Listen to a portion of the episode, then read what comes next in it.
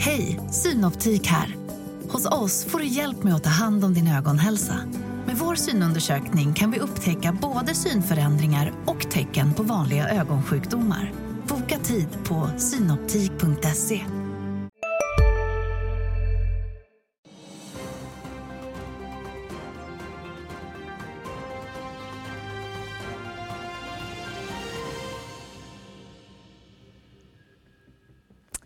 morgon och välkomna till Börsmorgon onsdag den 6 september. Börsen ser ut att gå mot en öppning svagt neråt. I dagens program fokuserar vi på den svenska konsumenten. Vi går igenom detaljhandlare, flygbolag och allt annat som påverkas av ett förändrat konsumentbeteende. På temat har vi också fått en rapport från prylkedjan Clas Ohlson och vi har en intervju med VD Kristoffer Tonström senare i programmet. Med mig i studion idag har jag Sparekonoms bonanza. Det är Maria Landeborn eh, och Mohammed Salih från Fundler respektive Danske Bank. Ja. Mm, välkomna. Tack. Tackar. Tack. Ja, vi har lite konsumenttema här idag då, med eh, framförallt fokus på detaljhandel. Men jag tänkte vi skulle börja lite med, vi har sett lite nya toppnoteringar i oljepriset idag. Oljan är på årshögsta nivåer mm. och handlas runt 90 dollar fatet. Säger du Maria, är du orolig för Ja, men alltså lite får man ju fundera över det här. Mm. Eh, oljepriset har ju stigit kraftigt de senaste månaderna.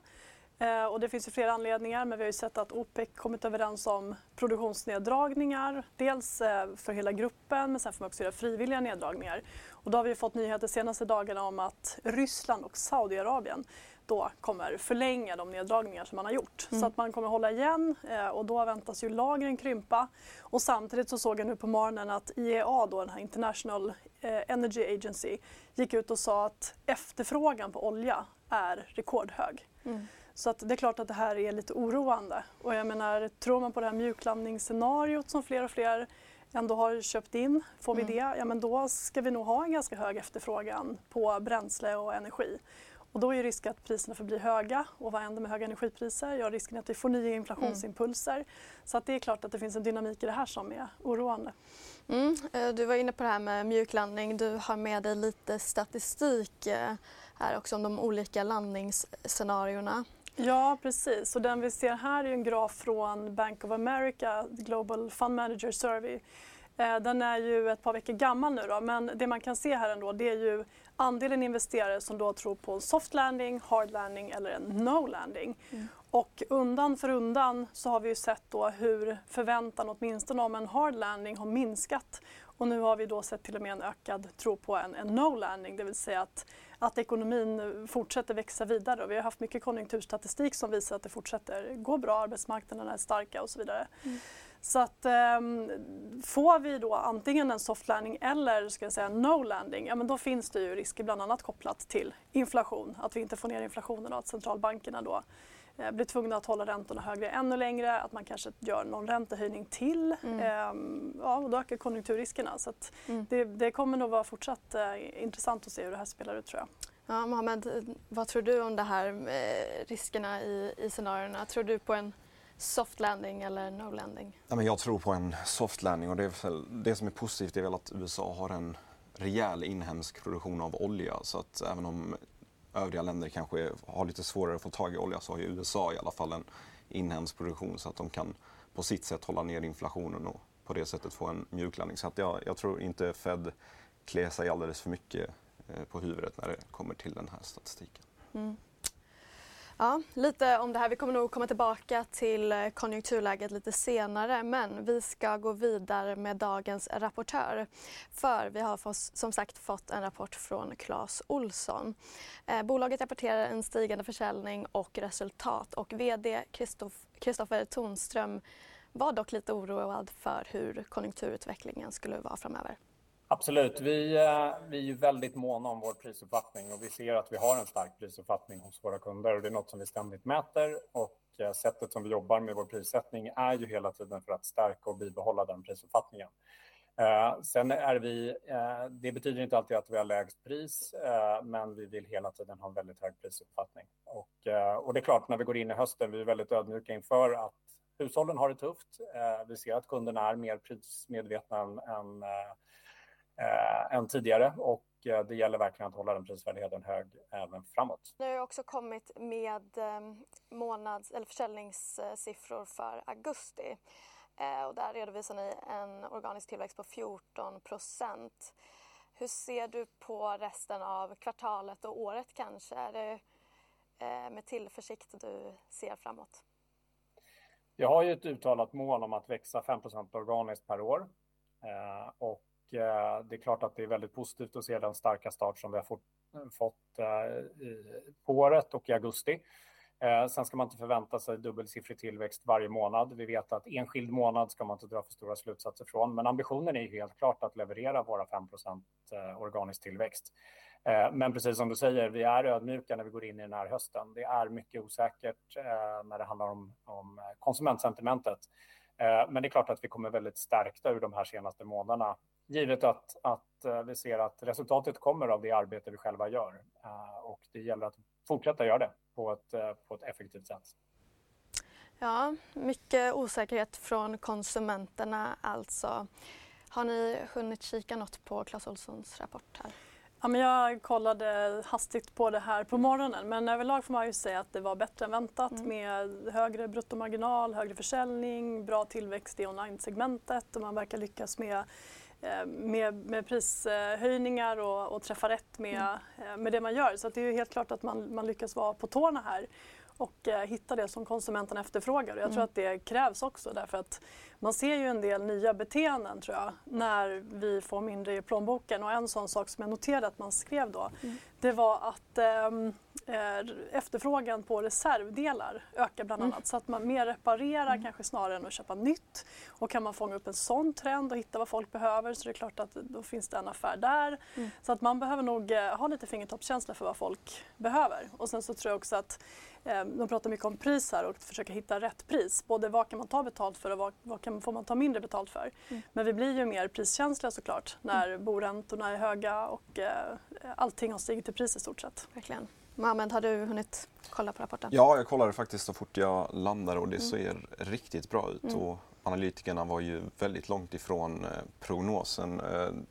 Kom, ja, estimaten var kanske lite för passiva. Växer både i Sverige 14% i Norge växer man 11 organiskt så att slår estimaten rejält. Och jag, det är väl bara lyfta hatten för både Clas Ohlson men också marknadsavdelningen som har marknadsfört bolaget på rätt sätt. Och, ja, konsumentanalysen är verkligen rätt. Att man säljer så brett och man säljer liksom både det folk vill ha men också det folk vill laga. Så att jag tycker produktutbudet och intäktsdiversifieringen när det kommer till Clas Ohlson så har de verkligen lyckats. Mm. Han pratar ju dock lite flagga för att det är osäkert i liksom konsumentsegment och eh, så. Jag ska säga det att aktien har ju gått väldigt bra också. Den är upp 40% i år.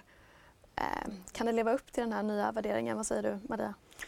Ja men kanske ändå. Ja. Alltså, som det ser ut nu, man säger att man haft medvind i försäljningen i, i början på månaden och sådär. Alltså det, så att här och nu så ser det bra ut. Men mm. jag håller ju med om det här att det finns en osäkerhet framåt. Men Tittar man på hur konsumenterna mår, på konsumentsentiment så har det ändå vänt upp ganska kraftigt från de pressade nivåerna som vi såg under fjolåret. Ja. Och vi ser ju också att så vi fortsätter ju ändå spendera mer pengar än vad man trodde. Och sen är det lite olika vad vi lägger dem på. Det har ju varit mycket liksom, resor och nöjen mm. och så under sommaren men helt uppenbart finns det ju en efterfrågan på vissa typer av, av prylar och eh, mode också. Jag menar hm aktien har också gått jättebra i år så att en del av de här Aktien har faktiskt gått bra. Sen så tror jag att om man tittar på Clas Ohlson i det långa perspektivet så har aktien haft en ganska eh, svag mm. utveckling. Mm. Men eh, kanske att de börjar göra mer rätt nu då.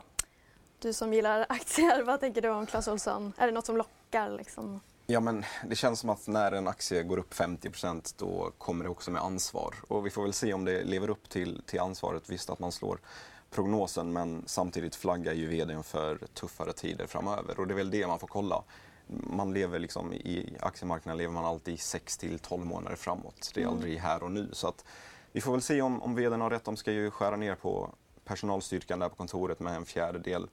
Eh, väldigt kostnadsmedveten i, i rapporten och mm. även i, eh, ja, men när, när ni pratade om att man måste få ner kostnaderna och lyckas de med det så tror jag väl att aktien är någorlunda rimligt värderad. Men såklart, mm. det flockas ju många kring aktien det går upp 50% på ett år. Mm. mm. Tänkte om det fanns några andra eh, sektorspel att göra eller vad man kan säga. Jag tänker till exempel Shell eh, som är ner 40% i år istället. Eh, det kanske är helt olika typer av bolag egentligen men finns det, tror du att även Shell kan, kan gå, ha en sån här utveckling framför sig? Nej, men jag, jag tror jag, svårare med Kjell i och med att de är lite mer nischade känns det som mm. mot, mot teknik. Clas Ohlson har ju allt från ax till limpa. Jag, vi pratar ju mycket om eh, produktdiversifiering och Rusta är ju också en aktör som vill komma in på börsen och de har ju egentligen samma, samma prylar. De, de tar mycket det folk inte riktigt har råd med gör sin egen design och sen sätter de ut det på marknaden. Och jag tycker Clas Ohlson gör det, gör det så bra också genom att erbjuda både lågprissegmentet men också har man lite mer stålar så kan man handla på Clas Ohlson också. Mm. Ja, intressant det där. Eh, men vi ska lämna Clas Ohlson för nu och eh, jag tänkte att vi ska lyfta blicken och prata lite om de här konsumentnära bolagen som du var inne på, H&M till exempel det har länge sett dystert ut för detaljhandlarna och Svensk Handel och med deras handelsbarometer liksom pekar hela tiden neråt både nu för e-handel och eh, fysiska detaljhandlare. Men eh, nu när vi ser sådana här siffror så känns det ju som att det inte lirar. Liksom. Är det man skjuter problemen på framtiden? Ja, men dels så tror jag att, um, att vi, har ju, vi har ju ändå fortsatt konsumera lite mer än vad en del så här, sentimentindikatorer har pekat på att vi skulle göra. Men sen så tror jag också att det handlar om att man som bolag har någonting som konsumenter vill ha och då kan det antingen vara att man då lyckas pricka rätt med ett sortiment till exempel. Det kan vara att man är billigast därför att priset blir ju viktigt när vi har lite pengar i plånboken. Eller så har man ett, ett varumärke, alltså någonting som folk efterfrågar. Fast man har lite pengar i plånboken, så, eller man har en, en kundgrupp som, som fortfarande har pengar. Mm. Så det blir ju vissa bolag som klarar sig bättre. Men sen så tror jag också att om vi tittar hur det såg ut under fjolåret så väntade man sig ju att den hårda smällen skulle ske mot konsumenterna så att det skulle bli liksom en konsumentdriven eh, recession. Mm. Och det blev det ju inte. Så att många aktier då var också väldigt pressade. Så att jag tror att man måste också se det i den kontexten att många av de här bolagen har gått svagt tidigare. Mm. Sen ser vi att det blir inte så illa som man trodde och att vissa bolag dessutom gör det bra som Clas Ohlson till mm. exempel som kom med en fin rapport idag. Och då belönas man med en ganska kraftig kursuppgång. Vilka bolag är det som kan väntas gå bättre nu då, Mohammed? Du hade med dig exempel. Ja, men lite mer lyxmärken tror jag faktiskt kommer stå emot eh, den här nedgången. Eh, vi pratar ju alltid om att man ska försöka hitta bolag med starka balansräkningar eller bolag som inte är så räntekänsliga och precis likadant är det när det kommer till oss konsumenter. Eh, man vill ju försöka leta på marknaden där eh, konsumenterna kanske inte är så räntekänsliga. Och vi kan väl bara ta Ferrari för den delen upp 50 nästan i år medan övriga världens eh, bilhandel går ganska tungt. Eh, General Motors, eh, vi kan ta Volkswagen, mm. jämför man dem mot, mot Ferrari, ja då, då ser man ju att lyx faktiskt står emot. Och Caring har vi haft, vi har haft Louis Vuitton som, mm. som har gått ganska starkt i alla fall i jämförelse med övriga detaljhandeln. Eh, och jag, jag, tror att lyx eh, faktiskt kommer leva länge och eh, lyx har en Mm. Som, som Maria sa, man, alltså det här varumärket det spelar faktiskt roll och när konsumenterna blir, eh, blir tagna på sängen som de här räntehöjningarna nu, då, då påverkas antingen eh, de, de som inte har så mycket pengar rör sig mot lågprissegmentet och de som har det väldigt gott ställt, de bryr sig inte så jättemycket om mm. ränteuppgångarna eller inflationen eller omvärldsläget. Man brukar ju prata lite om eh, läppstiftseffekten och att man eh, unnar sig små grejer. Ferrari kanske är lite väl att unna sig bara sådär. Eh, men Maria, är det här, något, eh, det här lyxsegmentet, är det något som du håller med om kan fortsätta hålla i? Ja, men det håller jag med om. Mm. Eh, precis som Mohammed säger så är ju den, den typen av konsumtion är ju mindre konjunkturkänslig och även de som har mindre pengar i plånboken köper billiga grejer men kanske ändå unnar sig vissa saker. Eh, och då pratar jag om den här lipstick-effekt. Mm. Eller eh, eh, så har vi då de som har pengar och mm. som, som överlever fast räntorna blir högre och fast konjunkturen är sval så har man råd ändå. Så att absolut. Kina har ju varit en ganska stor konsument av ja. de här bolagen. Finns det en risk eh, där nu när vi ser lite illavarslande signaler därifrån att, att de här lyxbolagen kan tappa på det? Alltså det kan ju säkert påverka. Sen så tror jag att eh, om man tittar på vilka i Kina det är som har råd att köpa de här varorna så tror jag kanske att de, eh, de har råd att köpa dem ändå i ganska hög mm. Eh, utsträckning. Men, men visst, eh, skulle det bli riktigt tufft i Kina så. Mm. Ja, det kom ju lite statistik igår från tjänstesektorns PMI där och bolag som ja, men Curring på franska börsen, ganska många lyxmärken på franska börsen gick, gick ner 2-3 procent. Så att det, det såklart har en påverkan och kineserna är väldigt, väldigt, trots att de är massproducenter av eh, kopior så älskar mm. de att köpa the real deal. Eh, så att det, lyxmärken är, eller lyxsegmentet är ändå beroende av eh, kineserna eller asiaterna i övrigt faktiskt. Sen också att Kina har lättat på reserestriktioner och sådär, att de har möjlighet att börja resa igen kan ju faktiskt också hjälpa till. För jag menar, titta på pandemin när de satt instängda och inte kunde resa. Det, mm. det tyngde ju också. Um, mm. Så att bara att man öppnat upp är ju faktiskt en positiv effekt också. Vi ska fa faktiskt prata mer om eh, resande när vi har kommit tillbaka från Marknadsstudion för nu ska vi se hur börsen har öppnat.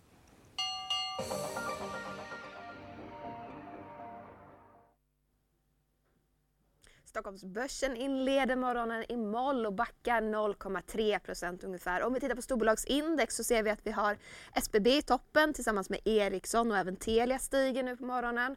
I botten däremot så har vi Autoliv och AstraZeneca bland annat. Och vi ska givetvis kolla Clas Olsson nu. De kom ju med en rapport där de slog förväntningarna på flera fronter och hade bland annat en organisk försäljningstillväxt och bruttomarginalen var också den över förväntan. Och Clas Olsson de stiger 7, nästan 8% precis vid börsöppning. Jag tog även upp Volvo här på skärmen eftersom augusti var den bästa månaden sedan februari när det kommer till orderingången på tunga lastbilar i Nordamerika. Vilket är en viktig marknad för Volvo. Men ingen stor reaktion på det nu på morgonen. Men på tal om USA, FDA ger Cantargia särläkemedelsstatus för deras behandling mot systematisk skleros. Och jag har inget avslut där ännu men det ser ut att vara positivt för aktien. Betsson har emitterat obligationer om 75 miljoner euro och pengarna ska bland annat användas till förvärv. Och Betsson backar 1,5 så här precis vid börsöppning. Och så har ju precis som vi har pratat om i programmet oljepriset nått nytt årshögsta och tagit sig över 90 dollar fatet efter att Saudiarabien och Ryssland förlängt produktionsneddragningarna till slutet av året. Nu på morgonen har det faktiskt sjunkit lite och ligger på 89,70 dollar fatet för bränt. Jag tog även upp Africa Oil här på skärmen som är ett av få oljebolag på Stockholmsbörsen och de stiger 0,7 denna morgon.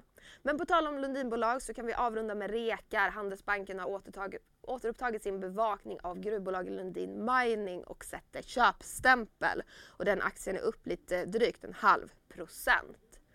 Och så ska vi prata om flygresande och flygbolagen i våra grannländer har precis kommit med sina trafiksiffror. Norwegian ökade med 7% mot förra året medan det gick desto bättre för Finnair som ökade med 10 men som sagt, Stockholmsbörsen är lite sur så här på morgonen och backar ungefär 0,2 procent. Hej, Ulf Kristersson här. På många sätt är det en mörk tid vi lever i. Men nu tar vi ett stort steg för att göra Sverige till en tryggare och säkrare plats. Sverige är nu medlem i Nato. En för alla, alla för en. Har du också valt att bli egen? Då är det viktigt att skaffa en bra företagsförsäkring. Hos oss är alla småföretag stora och inga frågor för små. Swedeas företagsförsäkring är anpassad för mindre företag och täcker även sånt som din hemförsäkring inte täcker. Gå in på swedea.se företag och jämför själv.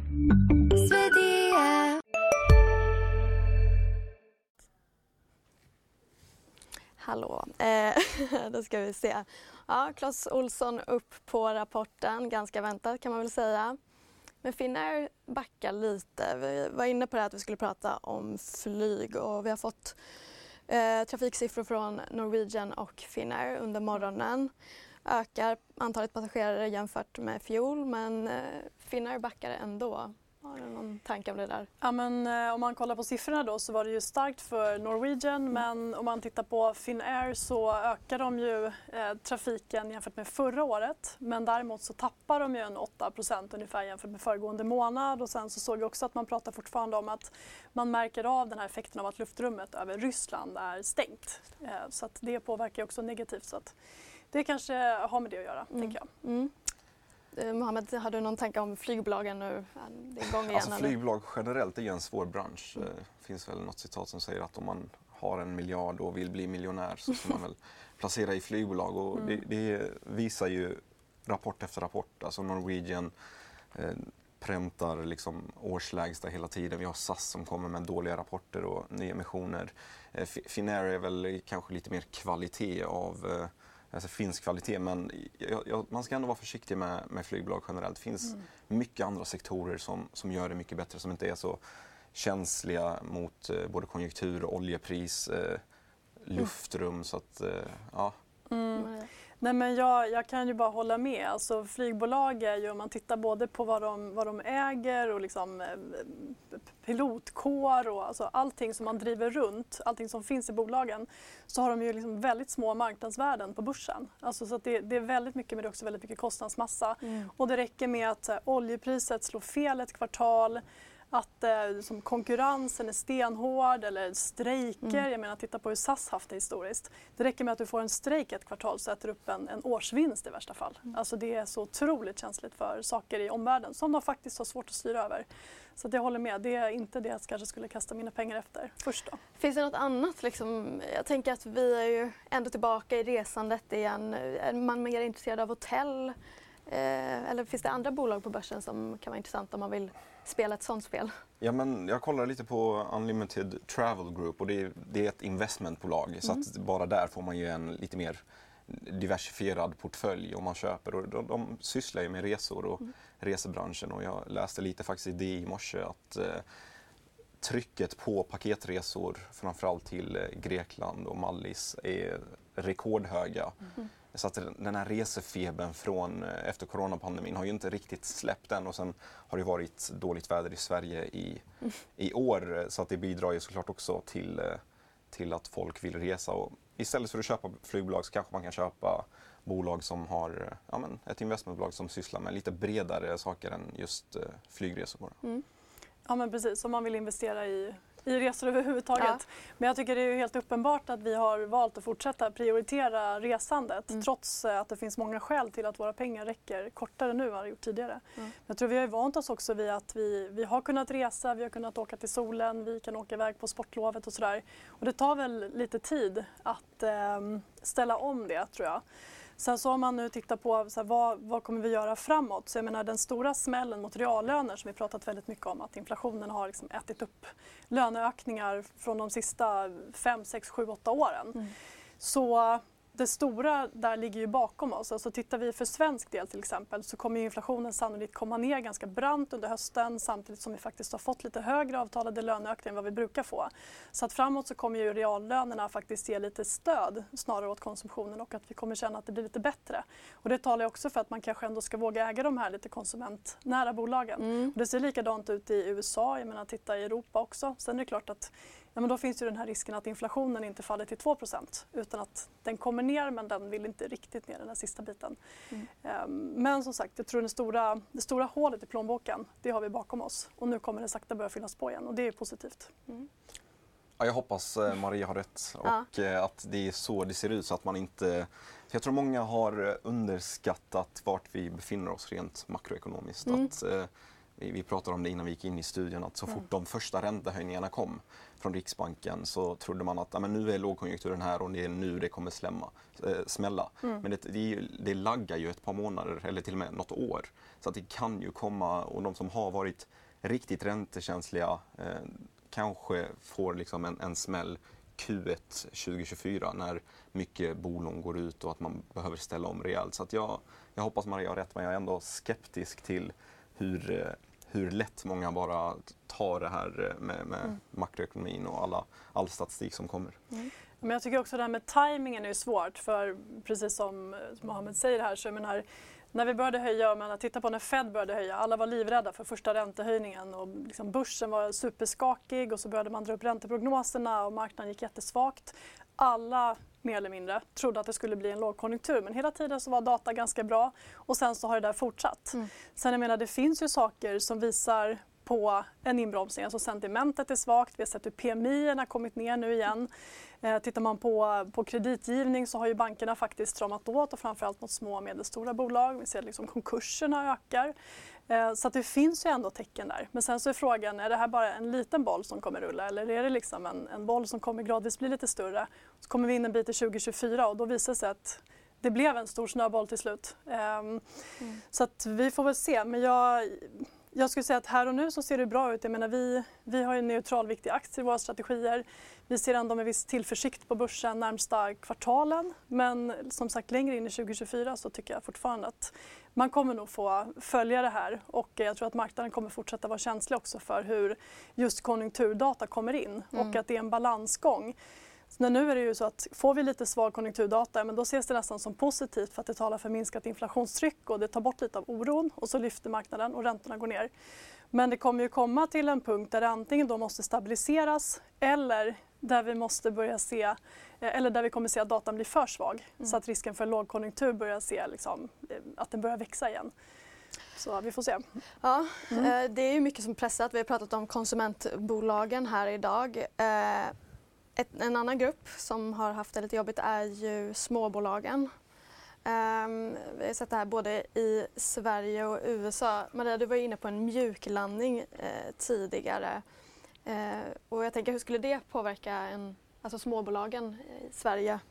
Eh, om ja, jag skulle säga att det skulle vara positivt. Alltså, småbolagen är ju generellt mer volatila. De tenderar att falla mer när det går dåligt och gynnas när det går bra. Um, och tittar man då på hur kursutvecklingen har sett ut för småbolag och det vi ser här i år då, det visar ju dels uh, eh, OMXS30 så uh, 30 storbolag upp 11% ungefär och sen så har vi small cap index som är upp 1 så det är 10 procentenheters skillnad från bara starten på året. Mm. Och det ser likadant ut i USA så småbolagen har halkat efter lika mycket där.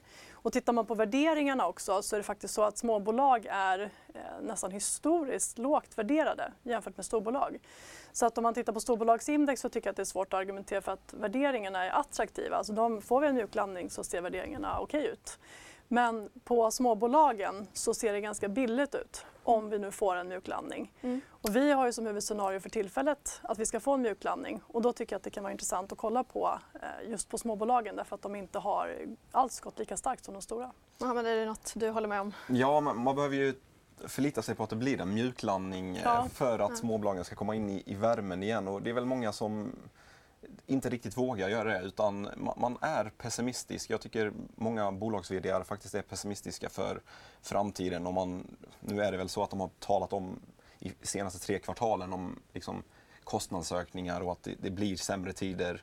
Och jag hoppas innerligt att, att vi bara stannar här och att småbolagen kommer in i värmen. Men jag har svårt att se det. Man, man är lite rädd om sina pengar fortfarande, både svenska mm. småsparare men också liksom institutioner. De vill inte äga högrisktillgångar, de vill inte äga eh, positiva kassaflöden om fem år. De vill äga det här och nu. De vill äga bolag med starka balansräkningar och det är det vi, vi hela tiden tjatar om att man ska äga positivt eh, kassaflödesgenererande bolag med starka balansräkningar. Ja, då mm. letar man inte på småbolagslistan Nej. utan då letar man på large cap och mid cap. Mm.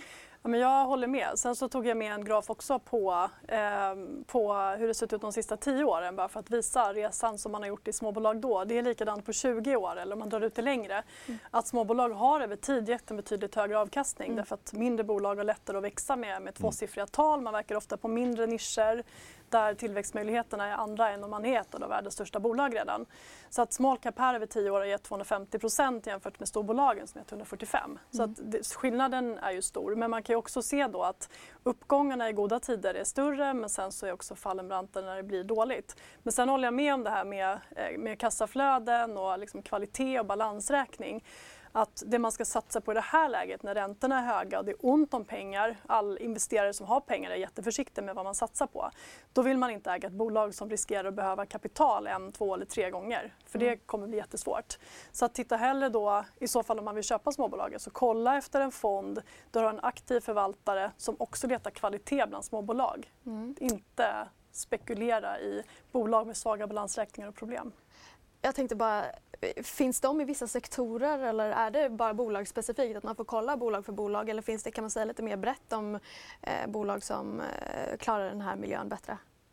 Det, det, är väl svårt att säga men eh, bolag inom saker som inte är konjunkturkänsliga, typ dagligvaruhandeln, de kanske inte hittas på mm. small cap men eh, SAS-lösningar, eh, vi har bredbandsleverantörer som faktiskt finns på de mindre listorna också. Mm. Man kanske ska ta de här sakerna som inte är så konjunkturkänsliga och börja leta i, i segment snarare än bolag och sortera liksom, agnarna från vetet därifrån istället för att leta på, på måfå. Liksom.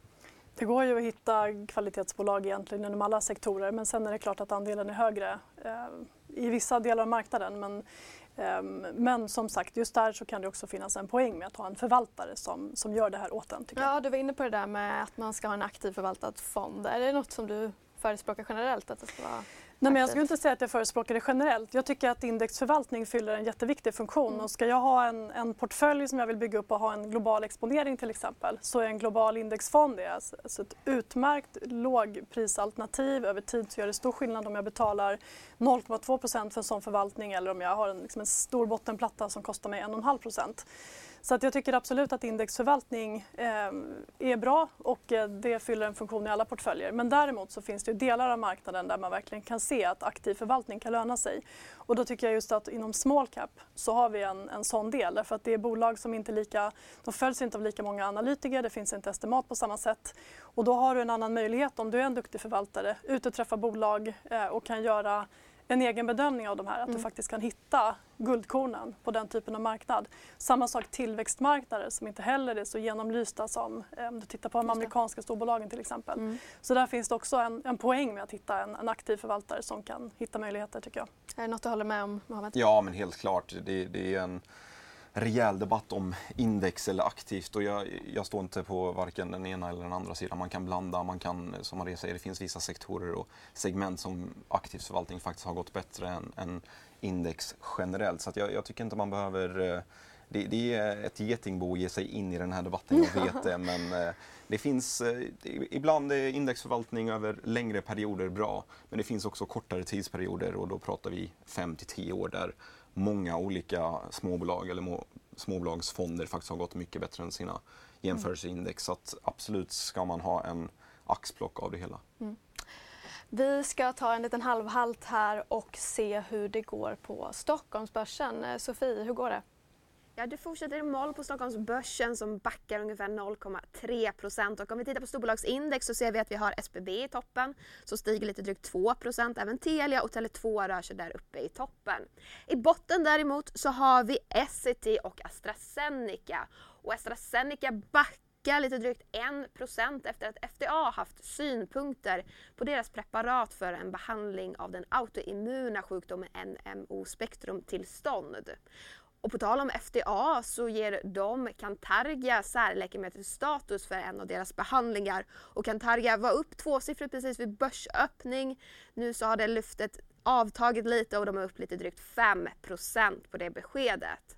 Desto mer så lyfter dagens rapportbolag Clas Olsson som är nästan upp tvåsiffrigt Lite drygt 9% stiger de på sin rapport där de ju slog förväntningarna på flera fronter och hade bland annat en organisk försäljningstillväxt och en bruttomarginal klart över förväntan. Och så har jag oljepriset nått nytt årshögsta och tagit sig över 90 dollar. Det har vi pratat om i programmet. Jag tänker att vi uppdaterar där och det ligger nu på 89,7 dollar fatet. Africa Oil som är ett av få oljebolag på Stockholmsbörsen stiger lite drygt 1% nu på morgonen. Och på tal om Lundinbolag, Lundin Mining har fått köpstämpel av Handelsbanken som återupptagit bevakning. Men vi ser inga större rörelser där.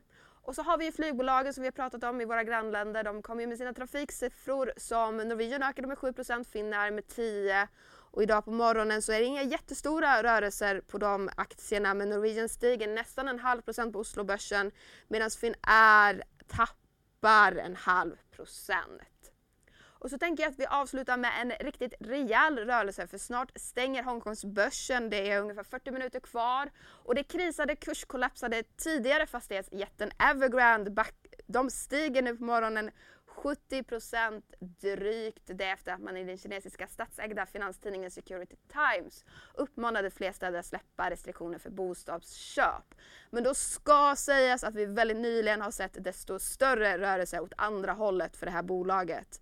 Men ja, stor rörelse minst sagt. Medan Stockholmsbörsen den är lite småsur och backar omkring 0,3 procent. Ja, så ser det ut på Stockholmsbörsen den här onsdag morgonen.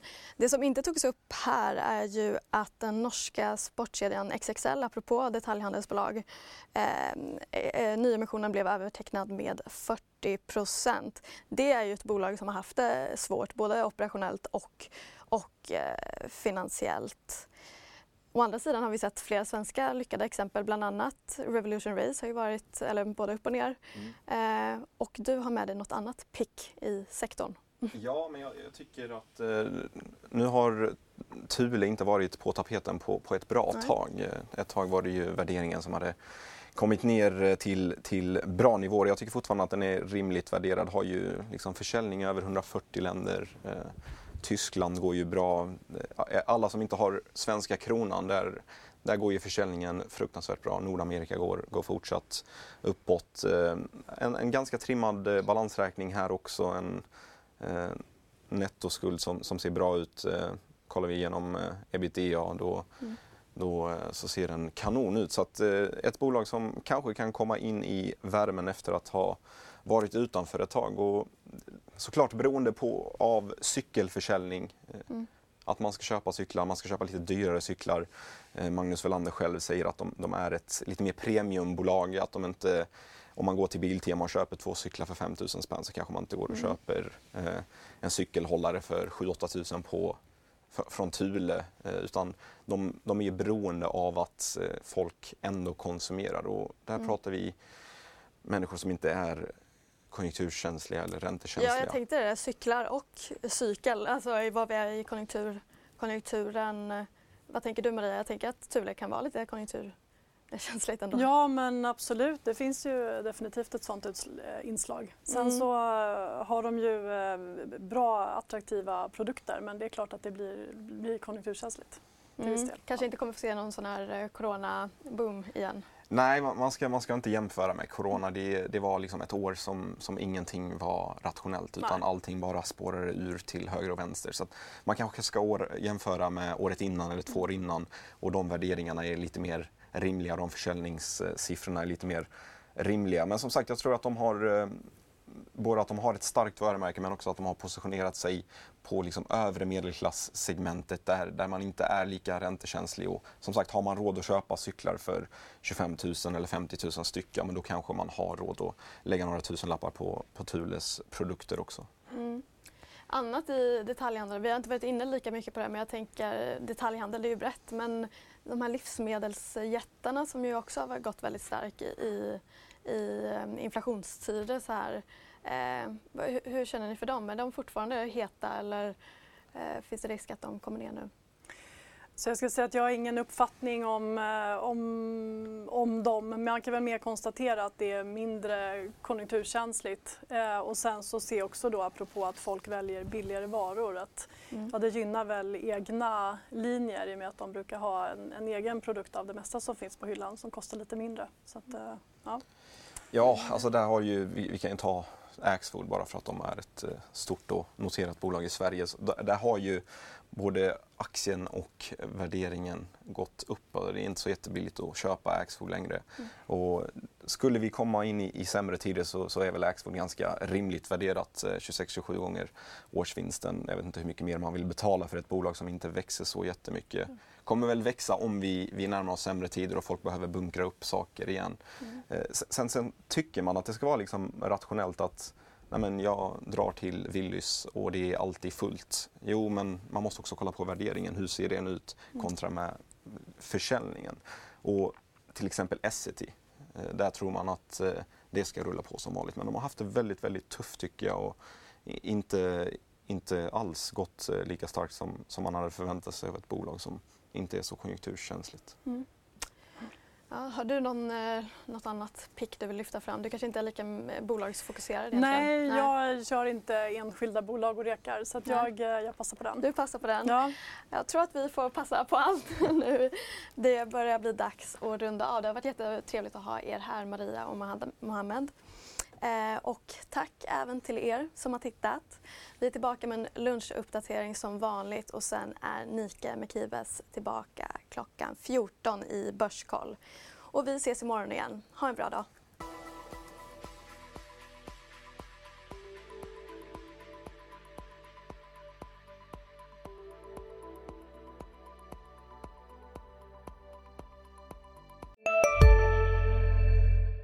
Njut av Max Selection El Maco med Premium Beef. Vår saftiga och lyxiga burgare av 100% svenskt nötkött och 100% fantastisk smak. För ett ännu godare McDonalds. Ni är med om det största. Och det största är den minsta. Ni minns de första ögonblicken. Och den där blicken gör er starkare. Så starka att ni är ömtåliga. Men hittar trygghet i Sveriges populäraste barnförsäkring. Trygg Hansa. Trygghet för livet.